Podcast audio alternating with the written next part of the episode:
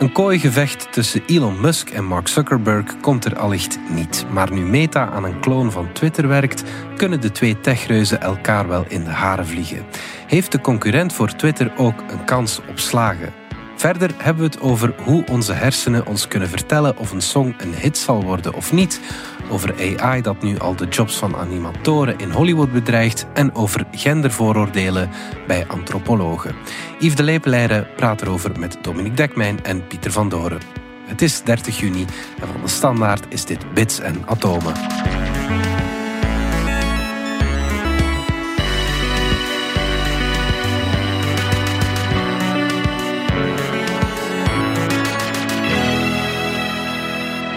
Dominique, Elon Musk heeft Mark Zuckerberg uitgedaagd voor een kooigevecht in Las Vegas. Maar is het nu een grap of niet? Ja, het was zeker een grap toen Musk het, het lanceerde, want er stond achter, hè, een kleine hint, achteraan stond lol. Hè. dus het was wel degelijk bedoeld als grap. Maar uh, ja, Mark Zuckerberg tegenwoordig heel erg afgetraind en daar schept hij al een jaar of zo heel graag mee op met hoe fit dat hij wel is en hoe goed dat hij is in jiu-jitsu en zo. En die heeft gewoon gezegd van ja, laat maar komen. Hij gezegd van ja, waar moet ik zijn? en ik denk dat Musk nu een beetje moeilijk uh, terug kan. Mm -hmm. En dus ja, wie weet. ik zou er nog altijd niet van uitgaan dat twee van de rijkste mensen ter wereld, zijn al twee miljardairs, hun geschillen in de boksring of eigenlijk de, de mixed martial mm -hmm. arts ring, of de vechtkooi zelfs, mm -hmm. moeten we zeggen, gaan uitvechten. Dus ik, ik geloof het nog niet echt. En ik geloof ook niet dat het voor onze maatschappij zo'n geweldig signaal is. Maar de Battle of the Nerds, er zou veel volk naar kijken, denk ik. Uh, wel ja, dat suggereert dat, dat heel veel mensen dat zouden willen zien. Ik denk nu niet bepaald dat dat zo'n geweldig spektakel gaat zijn als Elon Musk van zichzelf zegt dat zijn, zijn uh, vechtmove, uh, grapte hij daarna mm. ook, is de walrus, waarbij hij bewegingloos op iemand gaat liggen. Dat, ja, die man weegt toch wel tegen de 100 kilo, dus dat, of dat zo spannend is om te bekijken, dat weet ik niet. Maar goed, Musk had misschien wel een reden om Zuckerberg uit te dagen. Hè? Absoluut. Dus als uh, Musk op Twitter een andere miljardair provoceert, en dat doet hij regelmatig, mm. doet hij de hele tijd. En de meeste miljardairs zijn dan uh, wijs genoeg om niet te reageren. Want die weten dat win je nooit van Musk.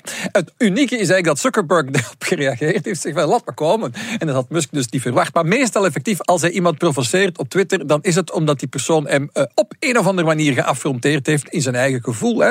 Maar dit keer gaat het over iets helemaal anders, namelijk over Twitter zelf. Mm -hmm. hè, waar waar uh, Musk nu de eigenaar, niet meer de CEO is. Dat heeft hij net overgelaten aan die mevrouw Linda Jaccarino. De voorbije uh, weken is duidelijk geworden dat uh, Meta, het bedrijf van Mark Zuckerberg, op punt staat van iets heel Twitter-achtig uit te brengen. Het, heeft, het is al voorlopig nog maar bekend onder een aantal uh, codenamen, zoals Project 92 of Threads zou het gaan heten. Maar het zou iets zijn dat een beetje gericht is op de Instagram-gebruikers, maar het geeft hen een soort aparte Twitter-achtige app. En blijkbaar heeft iemand van Meta op een interne vergadering gezegd, en dat is uitgelekt, dat er nu wel vraag is naar iets als Twitter, maar sanely run. Gerund, gerund door, door, mensen waarmee hij eigenlijk suggereert dat de heer Musk Twitter op een uh, nogal knettergekke manier aan te runnen is. En dus ja, dat is uh, bij Musk duidelijk uh, hard aangekomen. En dat roept inderdaad de vraag op of dat er effectief plaats is voor een uitdager voor Twitter plots en of die van Meta zou kunnen komen. Mm.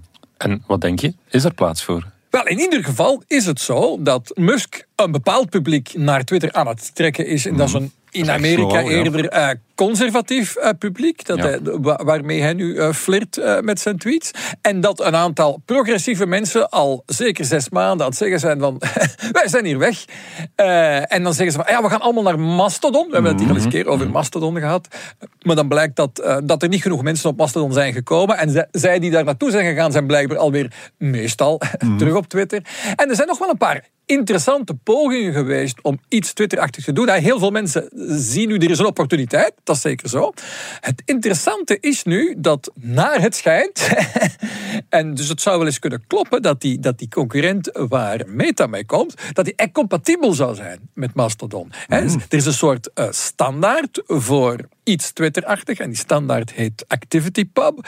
En het ziet er maar uit dat Threads, eh, of uh, als dat product zo zou heten, die nieuwe app van Meta, daar ook op zou aansluiten. Dat wil zeggen, dus als, als zij bijvoorbeeld alle Instagram-gebruikers de kans geven van die nieuwe app te installeren en dan een, so, een soort tekstberichten, dus dat is een soort tekstversie van Instagram wordt het dan eigenlijk, dan zouden ze tegelijk ook de berichten kunnen zien van iedereen die op een Mastodon zit, wat, waar toch al enkele miljoenen van de vroegere Twitter-gebruikers naartoe zijn gegaan. Dat zal ook de volgers van Donald Trump zijn dan. Eh, dat is ook een Mastodon-achtig uh, ding, dacht ik. Ja, dat, dat is het rare. Hè? Dus ja, dus Mastodon is eigenlijk... Uh, die, die, die standaard wordt er heel wat apps gevolgd, maar per app kan je eigenlijk, en per server van die ActivityPub, kun je eigenlijk bepalen welke berichten wel en niet worden doorgestuurd. Mm. Hè? Dus de, in het algemeen is het zo dus dat, ik denk, alle Mastodon clients en alle Mastodon servers, behalve Truth Social, gezegd hebben, dat sturen we zeker niet door. Volledig afgesloten van wat men dan, dat netwerk van sociale netwerken, ja, ja, ja. dat we dan het Fediverse noemen. Fediverse noemt men dat. Maar dus uh,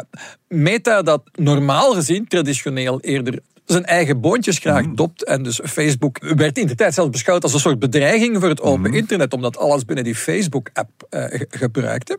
Maar als het dan gaat over het beconcurreren van Twitter, dan zijn ze plots voor open standaarden, waarbij dat je jouw eigen sociale netwerk eigenlijk interageert met mhm. andere sociale netwerken. Hè, wat ze dan bijvoorbeeld uh, bij WhatsApp bijvoorbeeld helemaal niet toestaan. Dat je bijvoorbeeld vanuit WhatsApp een bericht zou kunnen sturen nee, uh, naar Signal of naar Snapchat of omgekeerd dat niet.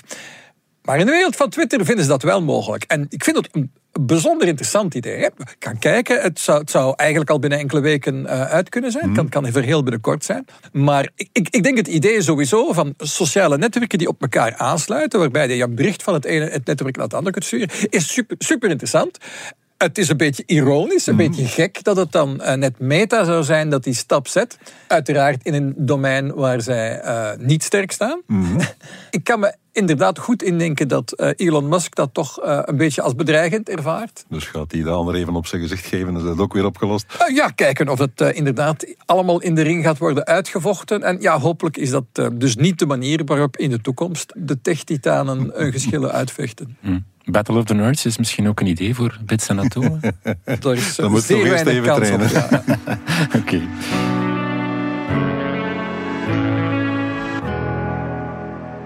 Pieter en Dominique, denken jullie dat dit nummer een hit was? Dance for me, dance for me, dance for me, oh.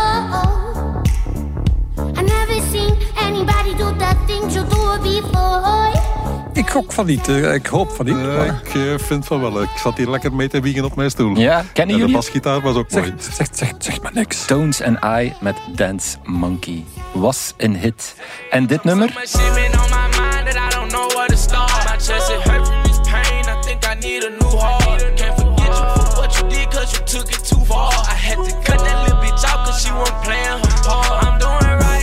Vaak bekend. Dus... lekker toch, hè? NLI Choppa met Decario kende ik zelf niet. Maar Pieter was blijkbaar een geen hit. En jij weet waarom, of jij kunt dat wetenschappelijk bewijzen waarom het ene nummer nu een hit is. voorspellen dat het geen hit geworden zou zijn. Ja, vertel eens. Nu, dat is een van de grote problemen in de, de muziekindustrie en niet alleen daar. Er verschijnen per dag 24.000 uh, nieuwe songs op internet. Mhm. Dat zijn cijfers van 2018, dus het is waarschijnlijk al meer. Dat betekent 1000 per uur. Dat betekent dat als je ze allemaal wil horen, dat je 3,6 seconden per song hebt. En na 10 minuten kletterende hoofdpijn. Dus dan voorspellen, als ik al mijn werk in zo'n hit steek of in zo'n song steek, had ik dat moeten doen. Of uh, weet ik al aan voorhand, nee, dit wordt toch geen hit. Ik kan beter mijn, uh, mijn tijd en mijn moeite in iets anders steken. Ja. Dat zou heel interessant zijn. En ook voor de verkopers natuurlijk. Uiteraard, hè. uiteraard welke artiest neem ik aan of niet. Want het is nu heel moeilijk om te voorspellen of iets een hit gaat worden. Ja, voorspellen achteraf dat lukt redelijk, maar ja, voorspellen beats, vooraf... Beats per minuut, de lyrics, dat, speelt allemaal een rol. De maar... van de artiest, uh, het genre, uh, zijn er gelijkaardige songs die het goed gedaan hebben. Men probeert uiteraard om uh, daar zo dicht mogelijk bij te geraken. Ja. En eigenlijk, ik heb lang gedacht, er is een heel eenvoudige regel. Mm -hmm. Alle liedjes op de radio gaan alleen maar over libido. Alle liedjes op de radio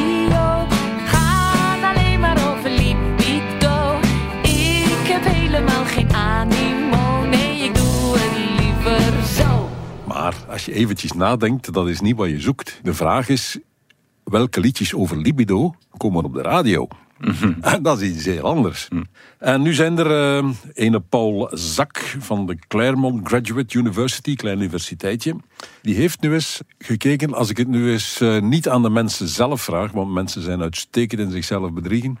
Maar als ik gewoon eens kijk wat hun hersenen zeggen. Desnoods op onbewust niveau, kan ik dan misschien voorspellen waarop mensen reageren, puur instinctief, Ja. puur lichamelijk eh, bijna. En dat heeft hij dus inderdaad geprobeerd. Hij heeft een aantal mensen, en zoals altijd zijn het dan studenten van de universiteit gevraagd als vrijwilligers.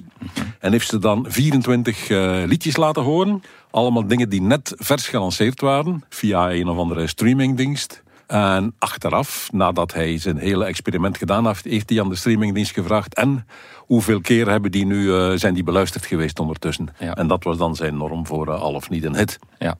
Dus die studenten hebben een badmuts met elektroden Voilà, badmuts met opgekregen. elektronenbekop, nog een hartslagmeter Ja. erbij. Die gegevens heeft hij allemaal genoteerd. Hij heeft die mensen de songs laten horen, gekeken wat hun hersenen en hun hart deden. En dan aan een eh, AI gevraagd, kijk nu eens of je daar eh, verbanden kunt in zien eh, tussen hoe de mensen reageren en welke song achteraf inderdaad een hit gebleken is. Ja. En hoe accuraat waren die dat conclusies? was zeer accuraat. Dat was 97% juist. Aha. Zowel voor de hits als voor de flops. En heeft ook aan de mensen zelf gevraagd van, wat denk jij? Mhm.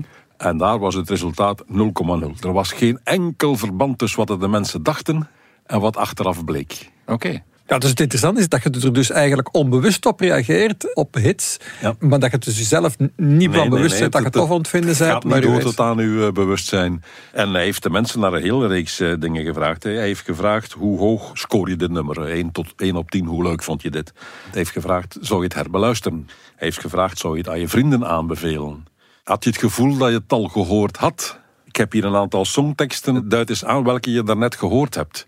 Dus om te kijken hoeveel aandacht de mensen daaraan besteden. En met al die vragen nog steeds kon je totaal niet voorspellen wat een hit zou worden.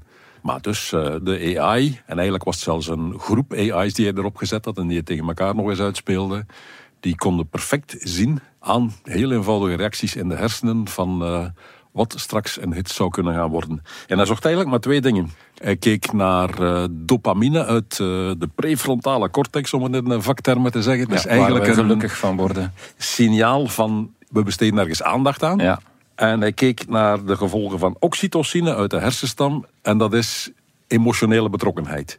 En als hij de gevolgen van die twee hormonen op de hersensignalen noteerde, daaruit kon hij al dus met 97% juistheid afleiden wat wordt een hit, wat wordt een flop. Onze hormonen bedriegen ons niet. Nee. Of kunnen ons niet bedriegen. Het woordje hit is hier eigenlijk een beetje overdreven, want hij heeft gekeken welke van deze songs halen meer dan 700.000 beluisteringen na een bepaalde tijd en welke zitten daaronder. Alles daarboven noemde hij een hit, alles daaronder noemde hij een flop. Blijft de vraag, zijn er geen onopvallende dingen of totaal onvoorspelbare dingen? Waarom is de Macarena in godsnaam een hit geworden? De vogeltjesdans. Wie kan zoiets voorspellen of, of dingen op trouwfeesten? La, la, la Lac du Connemara. Au printemps suivant,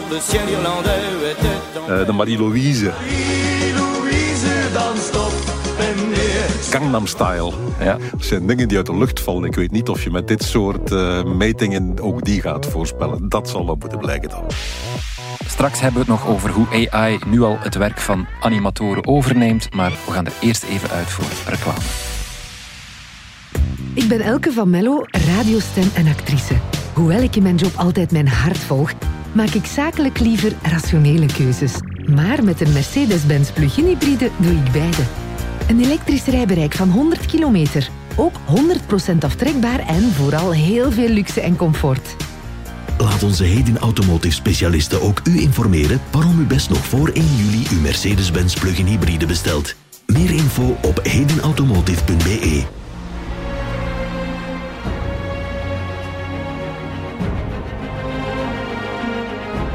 Dominique, wat horen we hier? Eh, dat is de generiek van A Secret Invasion. En dat is een nieuwe ja, superhelden sci-fi eh, reeks op, op Disney van, van Marvel. Wat een onderdeel is van Disney. En daar was de afgelopen dagen heel wat controverse over. In Hollywood en ver daarbuiten. Want er was eh, bekend geworden dat die generiek niet gemaakt is door menselijke animatoren, maar door AI. En dat, uh, dat, dat viel heel, heel slecht. Hè? Je moet weten, in Hollywood is nog altijd een staking bezig van de scenaristen, die vooral garanties willen zien dat zij niet zullen worden vervangen door ChatGPT voor het schrijven van dialogen voor de doorsnee uh, soapreeks. En ondertussen hebben we een paar voorbeelden gezien van animatiereeksen waar AI een rol in speelt. En Netflix heeft dat ook al gedaan. Moest dan ook gaan uitleggen van ja, ja, maar het is maar voor een heel specifiek stukje. En nu dus ja, bij, bij Disney, dat altijd op zijn tellen moet passen Mhm. natuurlijk, om Hollywood en de, en de artiesten niet tegen zich in het harnas te jagen. Ja, dat is zo'n misstap, hè, want zo Ja. komt het dan toch wel over, een misstap begaat. Ja, die hebben nu moeten gaan uitleggen van ja, maar wacht, wacht, wacht. er is wel AI aan te pas gekomen, maar als je die generiek ziet, zie je dat, dat het van allemaal eh, ja, heel spookachtige, eh, groene, mensachtige dingen. Ja, het ziet er goed uit. Het ziet er vooral heel, heel goed uit. En dat komt echt niet zomaar uit een beeldgenerator Ja. gerold. Hè. Dus eh, om te beginnen, die beeldgeneratoren die we nu kennen en waarvan we die beelden zien. Midjourney is, en, en, en Photoshop nu, met de nieuwe AI-mogelijkheden in Photoshop.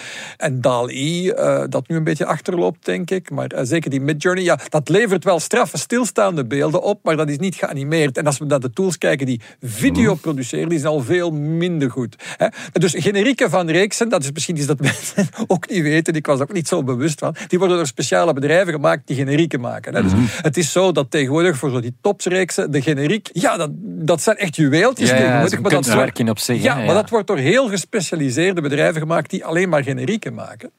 En in dit geval is dat ook zo. Er is een speciale studio voor ingehuurd. Maar daar heeft heel wat men, he- mensen hebben daarop gewerkt. En ze hebben Mhm. dus effectief AI-beelden gebruikt om een soort onheimelijk gevoel, Mhm. griezelig gevoel te creëren. En daar zijn ze dan met menselijke animatoren mee aan de slag gegaan. Dat is wat hier gebeurd is. En inderdaad, als je dat ziet, dan, dan zie je dat ook. Dit kan nog niet zomaar uit de computer rollen. Maar je zegt nog niet. Dat moet je er altijd bij zeggen. Hè? Ja, ja, ja, dus er zijn heel veel mensen die, die vrezen dat wat nu met stilstaande beelden kan, hè, waar- waar je eigenlijk eender welke Zähne op een foto eh, eh, kan creëren met een paar instructies aan Midjourney of eh, Stable Diffusion, dat dat ook met video zal kunnen. Ik ben daar zelf persoonlijk niet van overtuigd, gewoon omdat ik die, die, die videobeelden zie die ze dan maken. En dat is zo slecht dat ik denk van, goh, hoe lang is het geleden dat artificiële beelden zo slecht waren? Dus hoeveel jaren zouden er overgaan voor ze dat goed krijgen? Maar hier zijn wel degelijk nog animatoren aan Ja. te pas gekomen. Wat is dan het probleem? Waar maken ze zich druk over? Zijn ze echt bang om hun job te verliezen? Ja, wel, ja, wel, he- heel zeker wel. En, en dat is wel degelijk daarom dat het nu alle hens is aan dek om, om, om eh, aan te tonen dat ze bij Disney helemaal niet van plan zijn van alle animatoren eh, op straat te zetten. Maar het- er zijn best wel jobs die voor een flink stuk bedreigd worden. Eh, en dat is dan een onderwerp dat, dat de, de IT-sector of de technologie-sector een beetje wegmoffelt en dan altijd zegt van nee, nee, nee, nee, de generatieve AI kan jouw job niet overnemen. Het kan er een deeltje van. Het, het gaat jou helpen om Het productiever deel, te zijn. Ja, het neemt het sa- de saaie taken weg en het gaat jou helpen om productiever te zijn. Maar natuurlijk, als eh, een team van vijf mensen productiever wordt, Je hebt er maar vier met nodig. Hè? heb je misschien eh, aan vier genoeg. En, en dat weet je niet. Dat is wa- wa- waar we nu als maatschappij voor staan. Hè. De, eh, welke jobs kunnen verdwijnen en, wa- en wat gaat eraan gebeuren? Hoe wordt dat opgevangen so- sociaal? Vorige week stond in onze krant een interview met Frances Haugen, de klokkenluider van, van Facebook. En ik had het met haar ook, en dat is niet in, de krant verschenen, dat stukje van het interview, maar ze had het ook over de, de sociale gevolgen van AI. Daar maakte ze zich grote zorgen over. En zij pleitte bijvoorbeeld, ze is niet de eerste die ervoor pleit, maar zij pleitte bijvoorbeeld voor een belasting op het gebruik van die AI-systemen, op die generatieve AI-systemen, met de bedoeling dat de opbrengst van die belasting gebruikt wordt om de sociale gevolgen, en dat zijn dan met name de gevolgen van de werkstelling, op te vangen. Want zij zegt, het grote gevaar met die generatieve AI is dat de opbrengsten ervan niet eerlijk verdeeld gaan zijn. En daar moeten we nu iets aan doen. En zij dacht in de vorm van een belasting. Wat ik ook frappant vind, Dominique, is, we hadden het over de animatiesector, creatieve sectoren, waar je toch denkt dat, ja, dat je mensen nodig hebt om creatieve dingen te maken, dat net daar AI jobs zou bedreigen. Ja, dat is de grote ironie. Hè? Want toen we voor het eerst begonnen te zeggen dat AI en robotica jobs ging kosten, dat was zo rond 2014, toen hebben we ook eens een reeks geschreven in de krant daarover. En toen schreven wij ook. ik heb het zelf geschreven in de standaard. Maar ik, ik citeerde gewoon de experts, zullen maar zeggen. Van ja, als je dus eh, een domme kantoorjob doet, of een domme job Mhm. op de fabrieksvloer, dan loop je kans om weggeautomatiseerd te worden. Maar de creatieve beroepen, daar zit de toekomst. En daar Mhm. hebben we ons, eh, taxichauffeurs, hè, die gingen Mhm. allemaal, eh, vrachtwagenchauffeurs gingen allemaal vervangen worden door die- van die zelfsturende auto's. Maar, maar mensen in een creatief beroep, die zaten veilig. En dat blijkt dus tien jaar later, of bijna tien jaar later, helemaal omgekeerd. Dus die taxichauffeurs, dat gaat echt morgen niet zijn. Maar het zijn creatieve jobs nu die bedreigd worden. Dat is inderdaad... eh, en ja, wat er gebeurd is intussen, is ja, effectief die, die nieuwe technologie, die we de generatieve AI noemen. En die eigenlijk niemand op, op, in die mate zag aankomen, tot voor heel kort.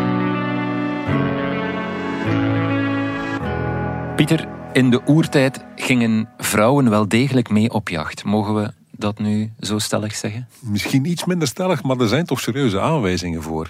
De klassieke manier van kijken naar, eh dan noemen we het dan primitieve volkeren, is van de mannen gaan op jacht Ja. eh, en de vrouwen blijven thuis om de was te doen.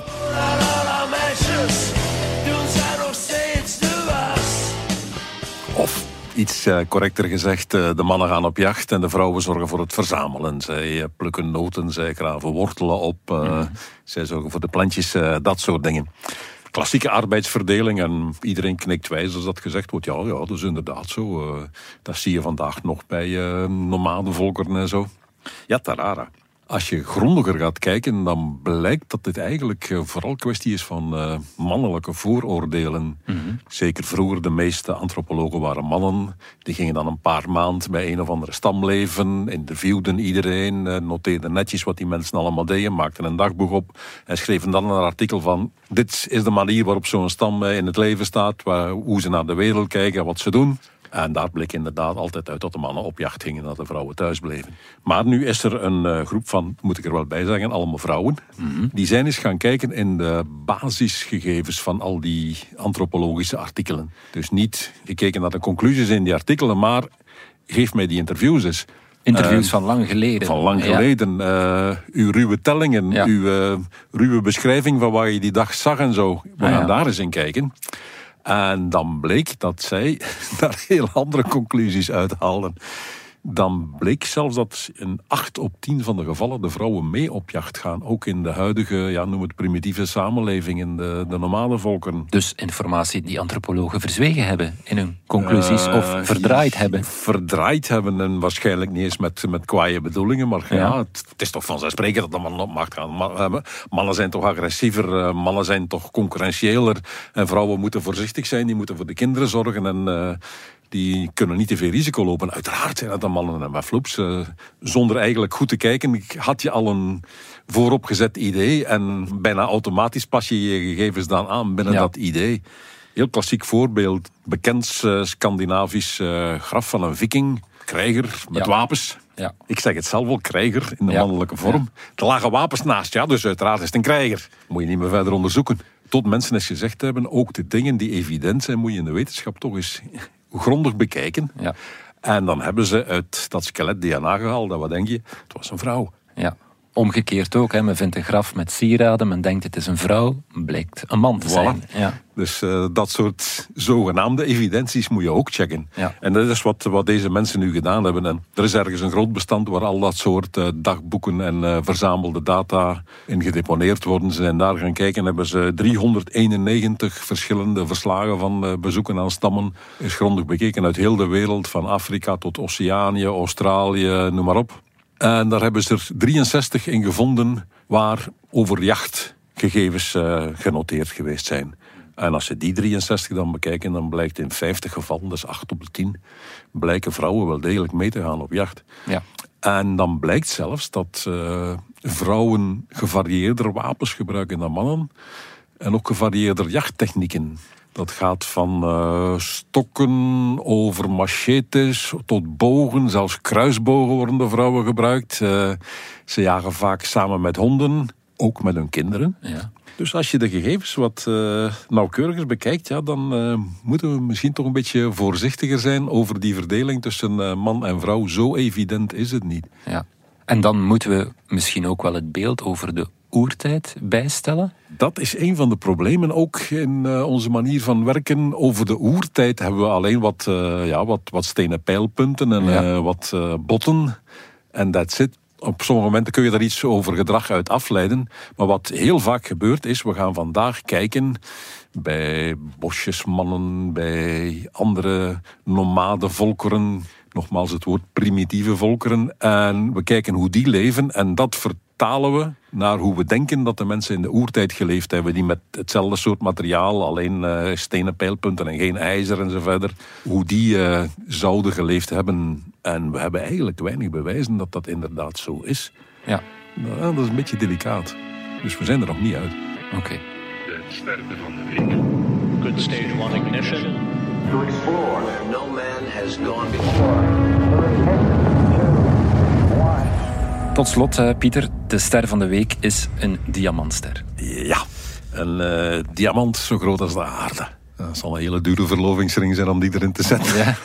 Er zijn ehm, mensen die hebben nu in de Royal Astronomical Society, het blad daarvan, een artikel gepubliceerd waarin ze een eh, witte dwerg beschrijven. Een witte dwerg is een, het eindstadium waar ook onze zon naartoe gaat. Alle sterren tot massa van ongeveer acht keer de zon.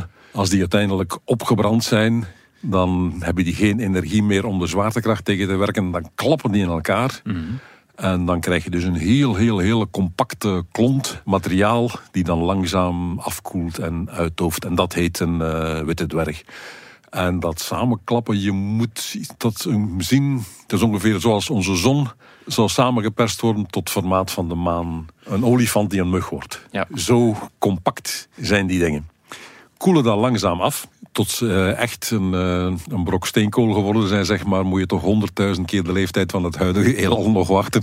Dus we zijn nog wel een tijdje bezig, maar ze koelen af. Tegelijkertijd, in dat soort condense vormen van materie, wat je ook ziet, is dat ja, atomen zich zo goed mogelijk gaan rangschikken. En dat blijkt dan vaak in een kristalvorm te zijn.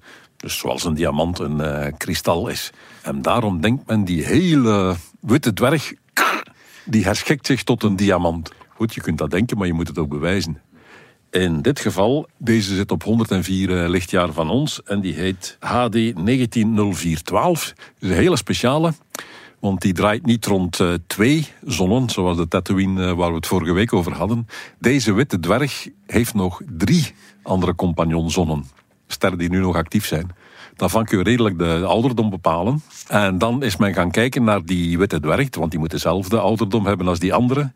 En dan blijkt dat die zich veel jonger presenteert. En daar is ook een verklaring voor. Als je dingen gaat uitkristalliseren, dat kristallisatie produceert warmte, produceert energie. Dus die ster koelt trager af dan wanneer ze niet zou kristalliseren.